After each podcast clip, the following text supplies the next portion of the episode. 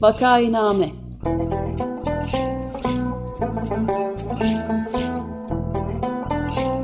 Salgın günlerinde memleket manzaraları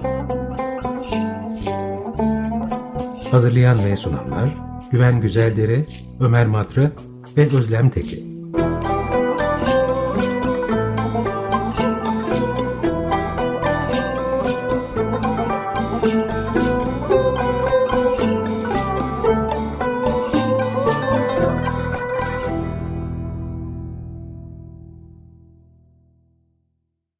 Vakayiname'ye hoş geldiniz. 95 FM Açık Radyo'dasınız. Ben Güven Güzeldere. Programı Ömer Madra ve Özlem Teke ile birlikte yapıyoruz.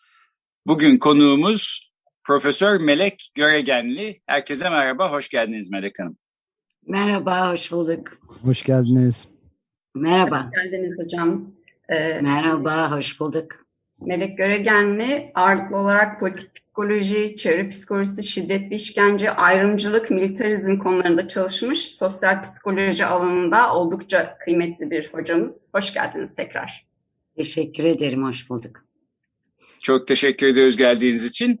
Biz e, bir seri yapmaya başladık. E, geçen hafta Profesör Ioanna Kuçuradi ile e, felsefe açısından değerler konusunu ele aldık. Oradan hareketle e, sosyal psikoloji açısından toplumsal kutuplaşma hakkında belki bir şeyler Hı-hı. anlatabilirsiniz diye düşündük. Gelecek haftada siyaset bilimi açısından kutuplaşmayı Hı-hı. özellikle elitlik, elitistlik tartışmaları üstünden e, götürmeye çalışacağız. E, şimdi felsefeciler aslında değerler konusunu insanları birleştirici, bütünleştirici bir açıklama unsuru olarak e, ele almış olsalar da zamanında giderek e, değerler meselesi ayrıştırıcı ve kutuplaştırıcı bir e, araca e, dönüyor gibi gözüküyor. En azından benim değerlerim, senin değerlerin, yerli ve milli olanlar, öyle olmayanlar filan. E, gerçi Ioanna Hoca geçen hafta değerlerle değer yargıları arasında bir ayrım yapmak gerektiğini söyledi ve bu kutuplaştırmanın daha ziyade yargılarla ilgili olduğunu e, hatırlamalıyız herhalde. Ben de ona katılıyorum. Fakat size belki bu çerçevede şu soruyu sorarak başlamak isteriz. Son e, dönemde Türkiye'de toplumsal ayrışma ve kutuplaşma e, gerçekten daha keskinleşti ve bir yükseliş gösterdi mi? Gösterdiyse de bunun nedenini siz nerede görüyorsunuz? Evet, şimdi e, sorunuza cevap vereceğim ama önce e, çok popüler ve çok e, giderek yaygınlaşan bir tartışma kavramı olduğu için kutuplaşma kavramı biraz bu kavramın e, en azından sosyal psikoloji açısından ben baktığımda nasıl görüldüğünü biraz e, belki söylemem lazım ki e, son dönemde ne olduğuna e, gelebileyim. Şimdi aslında kutuplaşma kavramını biz sosyal psikolojide bir grup dinamikleri sürecini anlamak için e, kullanırız. Yani polarizasyon e, ve e, kutuplaşma kavramı görece e, eşitler arasındaki tartışma süreçlerinde e, ortaya çıkan bir şeydir. Yani e, tartışılan konu hakkında ortak uzlaşılabilen bir noktadan yani uzlaşma olasılığının daha yüksek olduğu bir noktadan uçlara kayma biçiminde e, kavramsallaştırabiliriz. Yani en en e, genel e, bir tanım yaparsam. Şimdi oysa bizim popüler anlamda yani güncel anlamda tartıştığımız kutuplaşmada söz edilen şey böyle bir şey değil. Yani bir kere eşitler arasında bir şeyden söz etmiyoruz. Bu bence çok önemli çünkü bazen sanki hani e, böyle eşit koşullarda olan, eşit imkanlara sahip farklı toplumsal gruplar var. Ve bu toplumsal grupların birbirine gerek işte bakış açıları, gerek savundukları ya da sahip oldukları değerler sistemi, gerekse politik görüşler, gerekse duygular açısından sanki farklı uçlara e, savrulmuşlar ve e, bu savrulma bir toplumsallaşma için gereken bir ortak zeminden gittikçe uzaklaşmamıza yol açmış gibi e, tartışıldığını bazen her zaman değil e, bazen böyle bir e, duyguya kapılıyorum ve bu, bu çok yanıltıcı çünkü şunu gizliyor. Şimdi bir kere hiç eşit koşullarda olan toplumsal gruplardan söz etmiyoruz. tam da bu toplumsal tartışma ortamında ya da toplumsal değerler sisteminde neyin savunulabilir, neyin savunulamaz olduğunu e, sanki e, birileri hiç belirlemiyormuş gibi falan. Bunlar çok kendiliğinden oluyormuş gibi bir e, algılı şey yol açar diye düşünüyorum. Bu da çok kaygı verici. Çünkü öyle değil. Aslında e, çok uzun bir süredir. Yani her zaman iktidarlar kendi iktidarlarını kurmak ve sürdürmek için ve korumak için e, bazı toplumsal grupları dışlarlar, gayrimeşrulaştırırlar, onları değersizleştirirler. E, çünkü kendi uygulamalarını en azından kendi kitleleri açısından meşru hale getirmek için bunu yaparlar ve farklı biçimlerde ve dozlarda şiddet de kullanırlar. Yani şiddeti burada sadece fiziksel şiddet olarak e, kullanmıyorum. Gerekirse onu da kullanırlar. Ama şimdi bizim özellikle AKP iktidarının başından beri küçük küçük dozlarda ama giderek çok ağırlaşan son dönemde yaşadığımız şey hiç böyle bir şey değil. Bir kere hiç eşit koşullarda değiliz.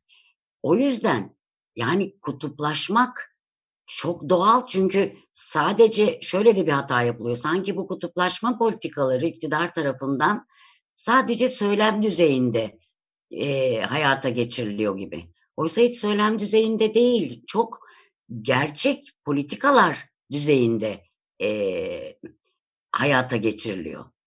İşte kadrolaşmayı buna dahil edebilirsiniz. İfade özgürlüğünün sadece toplumdaki belli gruplar için kullanılabilir bir şey olduğunu buna dahil edebilirsiniz.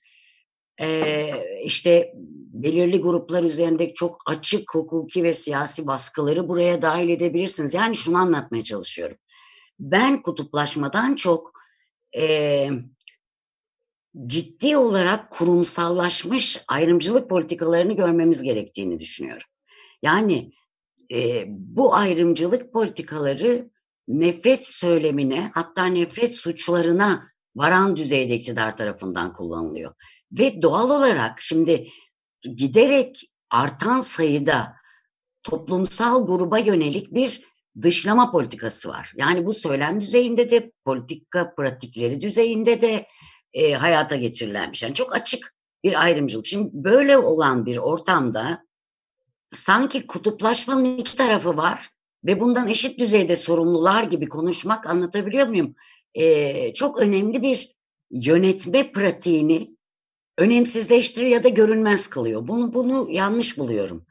O yüzden öncelikle e, bunu vurgulamak istiyorum ve tabii söylem düzeyinde sanki bir şeymiş gibi tartışılıyor. Mesela duyguların ya da değerlerin kutuplaşmasından söz edilirken de belki hani ben sosyal psikoloji olduğu için benim çalışma disiplinim, zihnim de doğal olarak öyle şekillenmiş bir zihin olduğu için belki öyle bakıyorum ama sanki duygu ve değerler de böyle soyut ve sadece zihniyet düzeyinde varlıklarını sürdürebilen şeylermiş gibi bazen konuşuluyor. Oysa duygular da değerler de çok gerçek yaşam olaylarından, gerçek yaşam pratiklerinden ortaya çıkan şeylerdir. Şimdi sürekli olarak yani şöyle düşünüyorum kendim içinden ben ihraç edilmiş bir akademisyenim.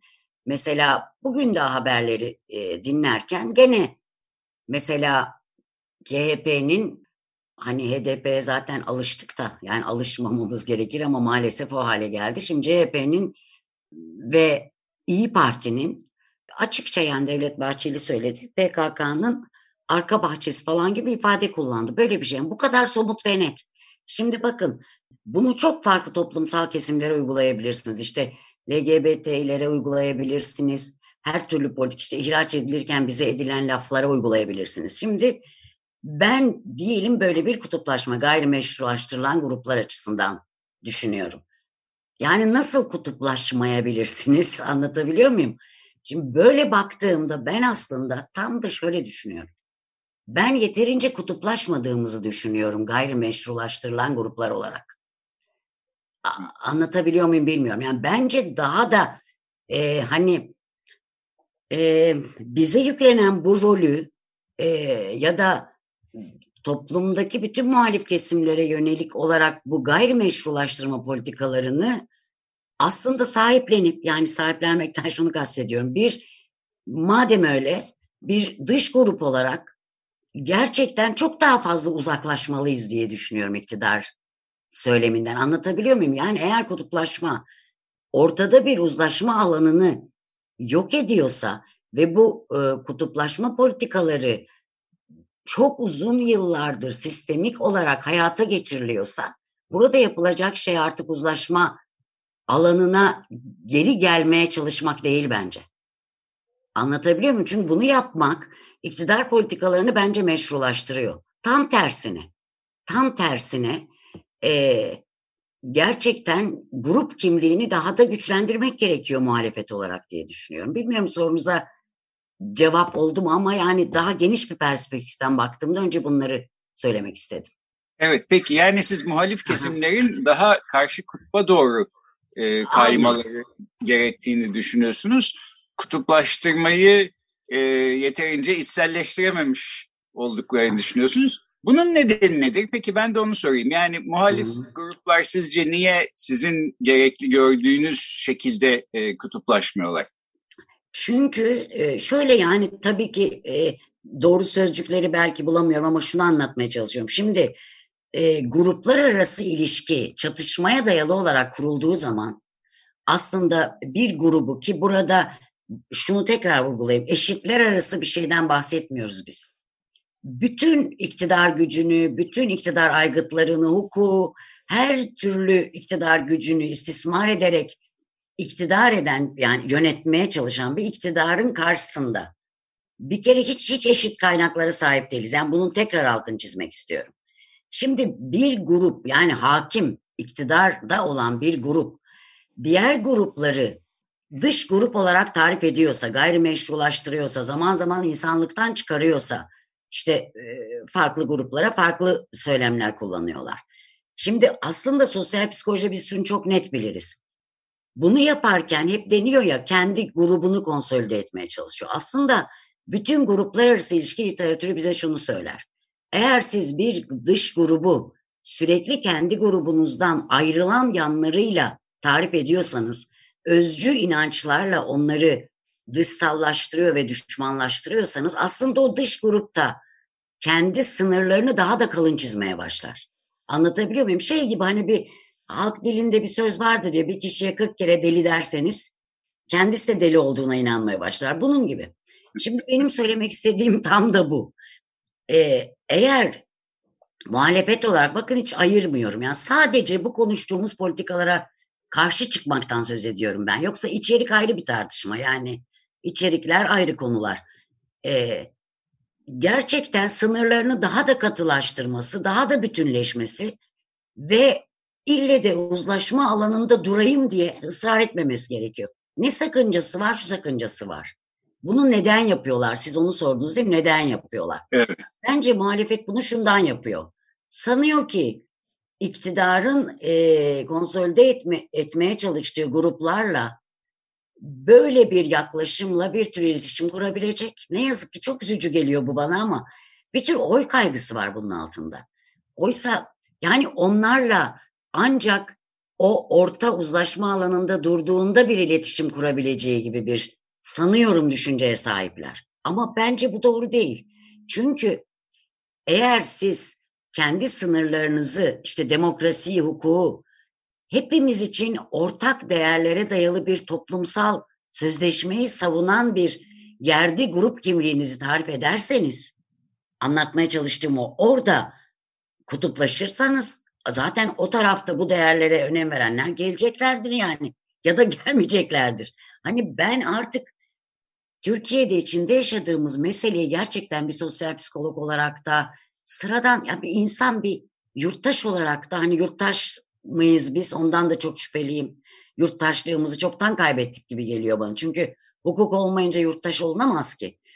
Ee, yani şunu çok daha önemli görüyorum. Oy, işte seçimler, şu bundan daha önemli bir şey var artık.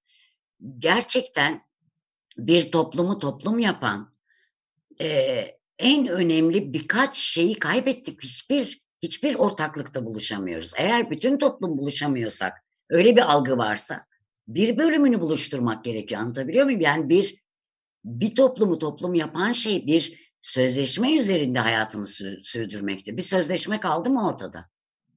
Ee, anlatabiliyor muyum? Yani oy kaygısıyla bence yapıyorlar. Oysa çok daha önemli bir şey var. Bir sözü artık diri tutmak gerekiyor. Bir sözü diri tutmak gerekiyor. O söz yok yani ortada.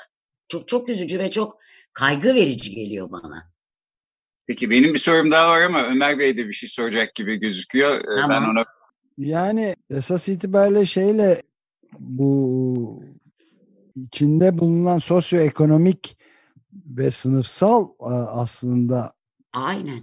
farklılaşmayı hedef almayan bir şeyde bir muhalefeti gerçekleştirmek zor olabilir diye e, düşünüyorum. Bunu nasıl oturtabiliyorsunuz? Şeye? Evet işte ben de tam da aslında biraz bunu söylemeye çalışıyorum. Ben de öyle Çünkü anladım. İktidarın sadece bu tırnak içinde bu lafı da hiç sevmiyorum. Hani ötekileştirme politikaları. Bu, bu söze de karşıyım çünkü burada da sanki bir niyet gibi. Ya bunlar çok sistemik, çok sınıfsal şeyler. Şimdi muhalefetin bence gerçekten toplumun bütün zarar gören kesimlerine dair bir söz üretmesi gerekiyor. Sözden kastım o zaten. Çünkü bakın sadece muhalefeti insanlıktan çıkarma, işte onu gayrimeşrulaştırma politikaları izlemiyor. Mesela insanlar artık açlıktan hakikaten bir sürü insan açım diyor çok açıkça. İşte dükkanlar kapalı, inanılmaz bir işsizlik var ve bu arada e, çok rahat mesela ve bunlar korona e, yani virüs tedbirleri olarak yapılıyor ama çok rahat e, şey yapılıyor mesela parti kongreleri yapılıyor ve Karadeniz'de işte şehirlere göre oranlar açıklandı. Gördüğünüz en yüksek Karadeniz bölgesinin şehirleri. Ve orada kongreler deli gibi devam ediyor. Şimdi mesela bu aslında çok sınıfsal bir yerden muhalefetin itiraz etmesi gereken bir şey. Yani bu şuna indirgenemez. İktidar kendi politik çıkarları için kongreler yapıyor. Hayır sadece bunu yapmıyor. Sınıfsal olarak belli bir sınıf, belli sınıflara sınıf düşmanlığı yapıyor yani. Şimdi anlatabiliyor muyum? Bunu da vurgulamak gerekiyor. O yüzden itirazım yani o yüzden bu kutuplaşma denen şeyin bir tarafında yer alan iktidarın sadece söylem düzeyinde bir şey yapmadığını, bütün bir toplumu buna göre organize ettiğini anlatmaya çalışıyorum. Tam da bunu kastetmiştim ben de sorarken. Yani bu gerçek e, açlık e, dediniz. Evet. Onun gibi yoksulluk ve pek çok evet. yoksunluk e, evet. bunlarını dikkate almayan bir yalnız evet. muhalefet de değil işte bir seçkin kesimin de evet. buna gözlerini yumması Ay, tabii tabii. Tabii çünkü onların ekonomik çıkarları çok da zedelenmedi. Bakın benim mesela dünyada da sadece bizde değil pandeminin başından beri çok rahatsız olduğum bir şey var. Yani nasıl oldu da insanlık bu kadar adaletsiz bir önlem politikalarına karşı çıkmadı?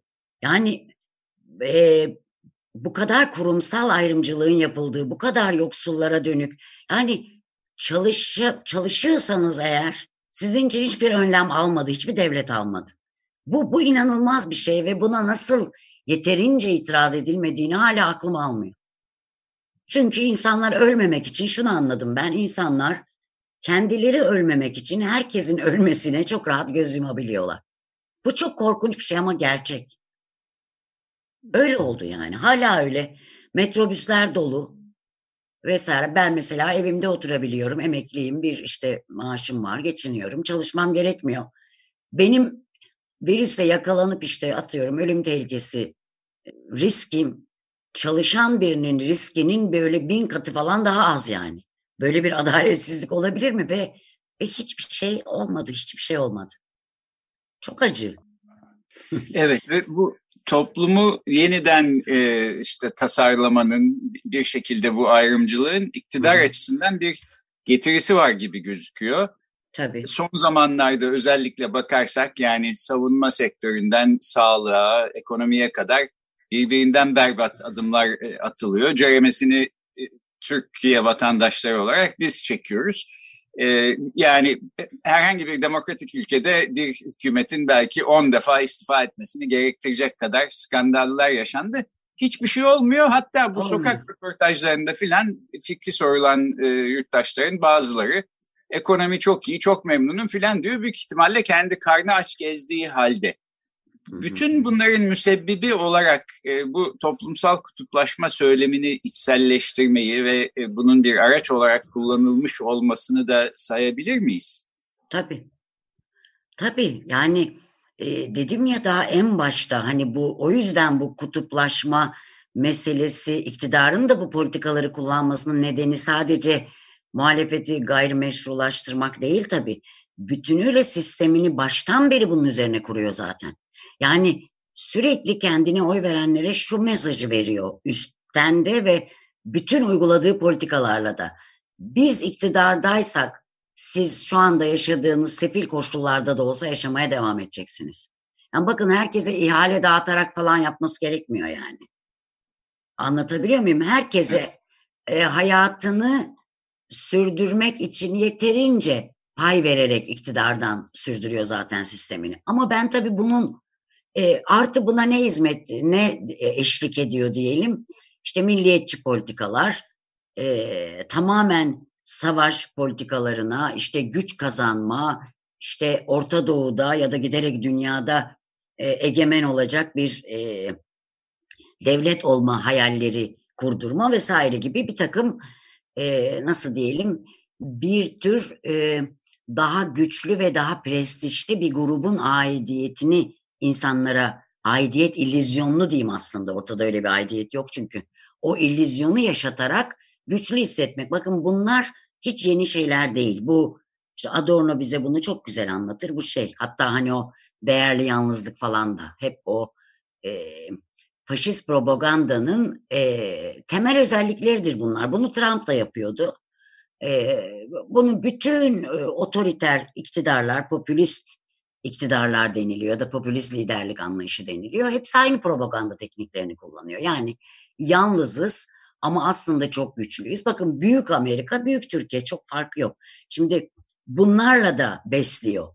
Ama ben bunun çok uzun vadeli mesela bu milliyetçilik e, üzerine kurulu aslında politikaların da çok uzun vadeli e, insanları bir arada tutmaya AKP'ye oy veren seçmenden bahsediyorum ya da MHP'ye yarayacağını zannetmiyorum. Çünkü onun bir sınırı var. Yani ekonomik olarak iktidarın insanlara dağıtacağı pastanın miktarı da gittikçe azalıyor. Anlatabiliyor muyum? Yani orada da aslında büyük bir yoksulluk var artık ve e, çok da kolay değil. Yani o politikalarla bir yerde tutmaya çalışmak çok kolay değil. Onun bir dengesi var. Lineer bir ilişki izlemiyor. Siz de çok iyi biliyorsunuz. Yani ne kadar milliyetçilik o kadar grupları bir arada tutma. Onun bir ölçüsü var. Bir süre sonra işe yaramamaya başlıyor. Evet, tamam yani... ben son sorumu sorayım aslında tam buradan.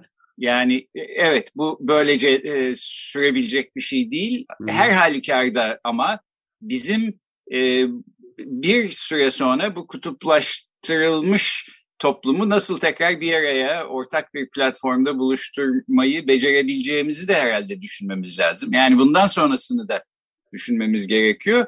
Bu konuda nasıl düşünmeliyiz? Ne yapabiliriz? Siz nasıl görüyorsunuz?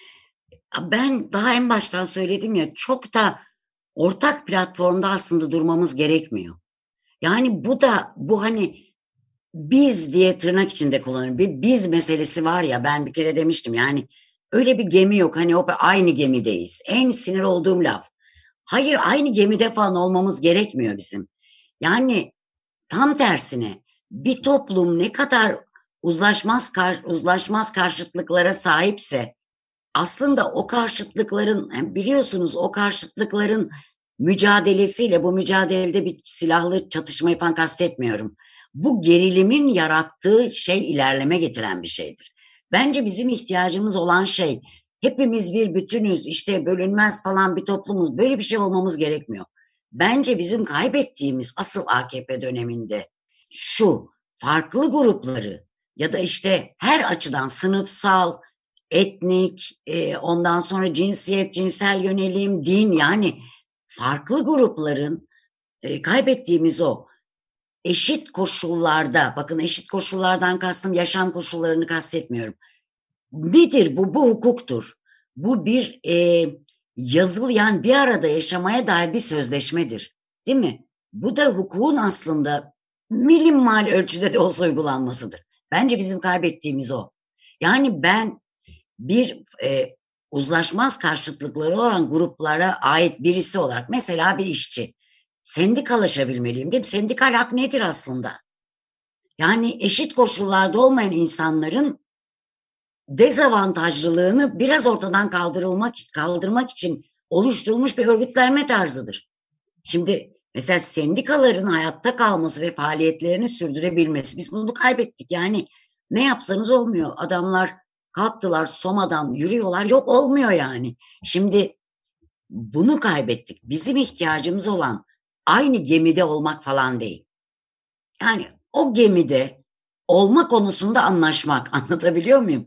Hangi koşullarda bu gemide olacağımıza dair bir anlaşma, bir toplumsal sözleşme konuşabilme koşulları bu yok yani. Bence en kötü olan bu zaten. Evet, şimdi bakın şundan emin misiniz? Ben mesela siz belki böyle kaygılardı. Ben şimdi konuşuyorum. Aslında hep kafamın arkasında şöyle bir şey var. Yani bu dediklerimi söylemeli miydim? Bunu bir geri almalıyız. Ondan sonrasında bence sonra düşünürüz yani. Ama bir bunu önce geri almalıyız. Elimizde nasıl alınan bu bence. Evet. Evet. Ömer Bey siz son bir şey söylüyor muydunuz? Programı yani, kapatalım. siyasi Öz... ve ya, siyasi sistemin, yargı sisteminin çöktüğü bir şeyde mesela şirketlerin filan rolleri üzerinde de hiç durulmuyor. Yani sınıfsal önemli bir sorunun varlığını inkar ederek ne kadar sürdürebiliriz ben evet. de emin değilim doğrusu yani. Evet asla asla yani onu onu hiç aklımızdan çıkarmamalıyız. Ve işte bakın bu sanki söylem düzeyinde kutuplaşıyormuşuz. Bizim bütün derdimiz değerlerimizin farklı olmasıymış gibi evet. konuştuğumuz zaman o altta dediğiniz işte sınıfsal e, müthiş uzlaşmaz çelişkileri görmezden geliyoruz. İşte başka cinsiyete dair şeyleri görmezden geliyoruz. Ya bakın hakikaten deli olmak işten değil yani her gün en az iki kadının öldürüldüğü bir ülkede yaşıyoruz biz. Evet. Yani bu artık böyle bir son, yani basit bir şey değil bu ama bunu anlatmak ya da çok fazla işçi intiharı olmaya başladı. Çok fazla iş cinayeti olmaya başladı. Yani bunlar e, hakikaten böyle bir grup meczubun ilgilendiği konular gibi artık. Evet, peki böylece bitirelim. Biz tabii konuya değerler meselesiyle girerken e, değerlerden ibaret e, ya da söylemden ibaret gibi bir varsayımla yaklaşmıyorduk ama bunu hatırlattığınız özellikle iyi oldu. Çok teşekkür ederiz. Yok ee, ben asla siz öyle düşünüyorsunuz diye söylemedim ama genelde genelde tartışma ortamı öyle bir his evet. veriyor bana. Ama değerler meselesi ayrıca konuşmalıyız belki. O ayrı bir konu yani e, tabii ki ön yargılar vesaire değerler e, bunlar hepsi ayrı kavramlar yani siz de biliyorsunuz ama bu ayrı bir mesele. Benim asıl vurgulamak istediğim bu mesele bir söylem meselesi değil. Ondan evet. E, yani. Tamam bu konuya zaten herhalde ileride e, yine geleceğiz. Evet. Bugünkü programımızın sonuna geldik. E, bugün konuğumuz sosyal psikolog Profesör Melek Göregenli'ydi. Çok teşekkür ediyoruz katıldığınız için. Ben Çok teşekkür teşekkürler ederim. Melek Hanım. Teşekkürler. Görüşmek üzere. İyi haftalar. Görüşürüz.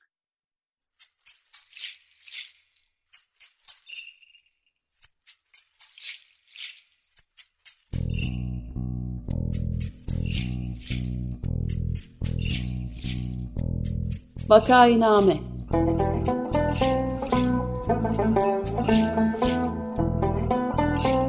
Salgın günlerinde memleket manzaraları. Hazırlayan ve sunanlar Güven Güzeldere, Ömer Madra ve Özlem Tekin